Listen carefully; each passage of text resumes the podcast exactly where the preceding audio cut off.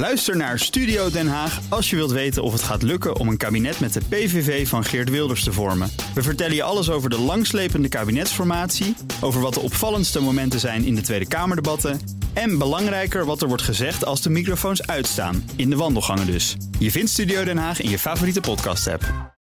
Vanavond gewoon. Goeroes. Gewoon de bekerwedstrijd Dat wel, ja. tussen Spakenburg en eh, PSV. Het is eh, dinsdag bijna 9 uur en dus Frank Leemans hier bij ons. Goedemorgen Frank. Goedemorgen. Ja, deze week eh, twee factchecks. Eerst een bewering van Johan Vollenbroek. Ja, in VN, voorheen eh, Vrij Nederland, is een interview met Johan Vollebroek, de milieuactivist, bekend Mhm. van het succesvol aanvechten van het programma eh, Aanpak Stikstof. De titel van het artikel is Op de keper beschouwd zorgt Nederland voor honger in de wereld. En die titel komt van een bewering van Johan in het artikel... waarin hij zegt het eerste schip dat Oekraïne in de oorlog mocht uitvaren... ging niet naar een hongerland in Afrika, maar naar Nederland. Het was mais voor onze koeien en kippen. De koopkracht van het Nederlandse vee is groter dan die van mensen in de Sahel of Pakistan. Het klinkt toch een beetje alsof we die mais hebben weggekaapt... Hè, of weggekocht van, Ja. van mensenmonden... om het aan onze varkens of koeien te Ja, geven. eh, het ging om dat eerste schip wat onder die zogeheten graandeel... oftewel de, de Black Sea Grain Initiative eh, vertrok. hè. Zou volgens hem dus naar Nederland zijn gegaan. Maar is dat ook zo? Het eerste schip met granen vertrok op 1 augustus 2022 uit Oekraïne, heette Razoni. En juist het eerste schip was zo'n, oh ja, dat was ook zo'n verhaal. Dat schip zou naar Libanon gaan, Ja. maar Libanon weigerde de lading... omdat het vijf maanden te laat was. Eh, het schip heeft toen een tijd geen bestemming gehad... rondgedobberd of voor anker gelegen. En door de UN worden lijsten bijgehouden... waar ladingen onder die graandeal heen gaan. Dus we kunnen precies zien waar de ladingen geëindigd zijn. Ja. 5% van die eerste lading is eh, gelost in Turkije...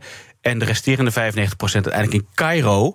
Dus dat Oh. het eerste schip naar Nederland ging, is niet waar. Nee, bij lange na eh, niet dus inderdaad. Eh, Zijn er wel granen gegaan naar Nederland... eh, van die eerste schepen onder die graandeel? Van de eerste 50 schepen zijn er drie naar Nederland gegaan. Waaronder 19.000 kilogram zonnebloemmeel, 30.000 kilogram lijnzaad. En dan eh, op 28 augustus het 47e schip, 30.000 kilogram mais. Eh, maar er komt nog iets bij, wat niet helemaal klopt aan zijn bewering. Ik heb per e-mail contact gehad met Jan Dijkstra van de Animal Nutrition Group bij de Universiteit Wageningen over mais. En in principe zijn er twee relevante categorieën van mais, namelijk suikermais voor menselijke consumptie. Ja. En snijmais, wat helemaal niet lekker smaakt... voor de verwerking tot diervoeder en biobrandstof. Dus het is in de basis ook al niet zo dat dit mais naar hongerige mensen had Oh, kunnen gaan. Want het is sowieso al bestemd voor diervoeder, hè, of, of biobrandstof dus. En daar komt dan nog bovenop dat 90% van de mais die in Oekraïne groeit... snijmais is sowieso al... eh, omdat het klimaat is helemaal niet ideaal om daar eh, lekkere suikermaisjes te groeien. Dus het idee dat onze industrie mais heeft gekocht... bestemd voor menselijke consumptie in arme landen... is echt een eh, vals frame. Ja, dat klopt in elk geval dus niet. Maar als je het wat breder trekt, hè, dan is het op de wereldmarkt natuurlijk wel zo dat wie betaalt, bepaalt. Zij- Zijn er cijfers van welke percentages van die graandeel bij landen met een laag inkomen zijn terechtgekomen? Ja, is er 65% van tarwegranen naar ontwikkelingslanden. Eh, en 49% van de mais gaat naar ontwikkelingslanden. En als je het iets verder uitsplitst, dan zakt die dat naar 30% van de granen naar landen met een laag inkomen. Dus Soedan, Jemen, Somalië bijvoorbeeld. Dus ja, uiteraard is het wel zo dat rijkere landen eh, die koopkrachtongelijkheid vergroten. Zeker ten tijde van hoge prijzen. Maar er moet dan ook weer bij gezegd worden dat het om 23 miljoen granen totaal gaat vanuit Oekraïne in die periode Ja. tot aan maart dit jaar. En in diezelfde hoeveelheid tijd heeft de EU 36 eh, miljoen ton granen geëxporteerd. Kortom, die ketens en markten zijn heel complex. Ja. En, eh, maar, maar even platgeslagen, die eerste boot met mais ging niet naar Nederland. En Nederland heeft ook niet de mais bestemd voor menselijke consumptie. Ja, dus Ja, nogmaals een valse frame dus. Dan iets over Frankrijk en sociale media. Ja, want ik las op eh, social media dat een mevrouw gearresteerd is... omdat ze Macron beledigd heeft via Facebook. En dat leek mij heel erg eh, Ja, onwaarschijnlijk. maar wat is precies het verhaal? Deze vrouw heeft Macron een stok vuilnis genoemd eh, op haar persoonlijke Facebookpagina. Viel me nog mee, want in Nederland vliegen meteen de terminale ziekte om de oren. maar goed, drie dagen later zouden agenten bij haar hebben aangebeld. En ze zou zijn meegenomen, een dag vast hebben gezeten... en te horen hebben gekregen dat ze een ja, formele procedure tegemoet gaat... vanwege het beledigen van de president. Klinkt heel on-Europees eh, Ja, allemaal. Ja, maar even voordat we komen bij of dit nou klopt. Hè. Ze zou dus Macron een stuk vuilnis hebben genoemd. Wa- Wat heeft ze nou precies gezegd? Ze heeft gezegd, want ik heb inmiddels ook die post gezien... op 21 maart, een dag voordat Macron op tv een toespraak ging houden... zette ze op Facebook, en ik zal het even voorlezen in mijn beste vakantie-Frans... L'ordure va vous parler demain à 13h pour les gens qui ne sont rien. C'est toujours à la télé que l'on trouve les ordures. Oftewel, het vuilnis of het uitschot zal morgen om 1 uur tegen u praten. U die niets waard bent, het is altijd dat we op tv uitschot zien.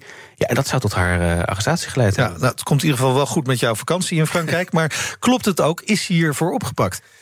Uh, de Figaro en Frans 24 hebben er ook over geschreven, maar ik wilde het checken. Dus ik heb een medewerker van het kantoor van de officier van justitie in dat gebied aan de lijn gekregen. Die wilde geen informatie geven, wel zeggen dat er iets is met die mevrouw. Dus mhm. dat klopt, denk ik dan maar. En in een Franse radioprogramma uh, te vinden op YouTube komt deze Valérie, zo heet ze zelf, aan het woord. Ja. En ze vertelt dat ze al sinds de jaren 90 activist is. Ook heel actief bij de gele hesjes. Dus dat ze daarom waarschijnlijk al onder de loep lag. En haar adres daarom ook op de stapel lag al. Ja, ja, maar dat wellicht een uh, afschrikactie is. Maar ja, dat, het klopt in ieder geval wel. Ja, maar, maar mag dit ook hè, voor ja, toch wel een relatief onschuldige belediging eigenlijk?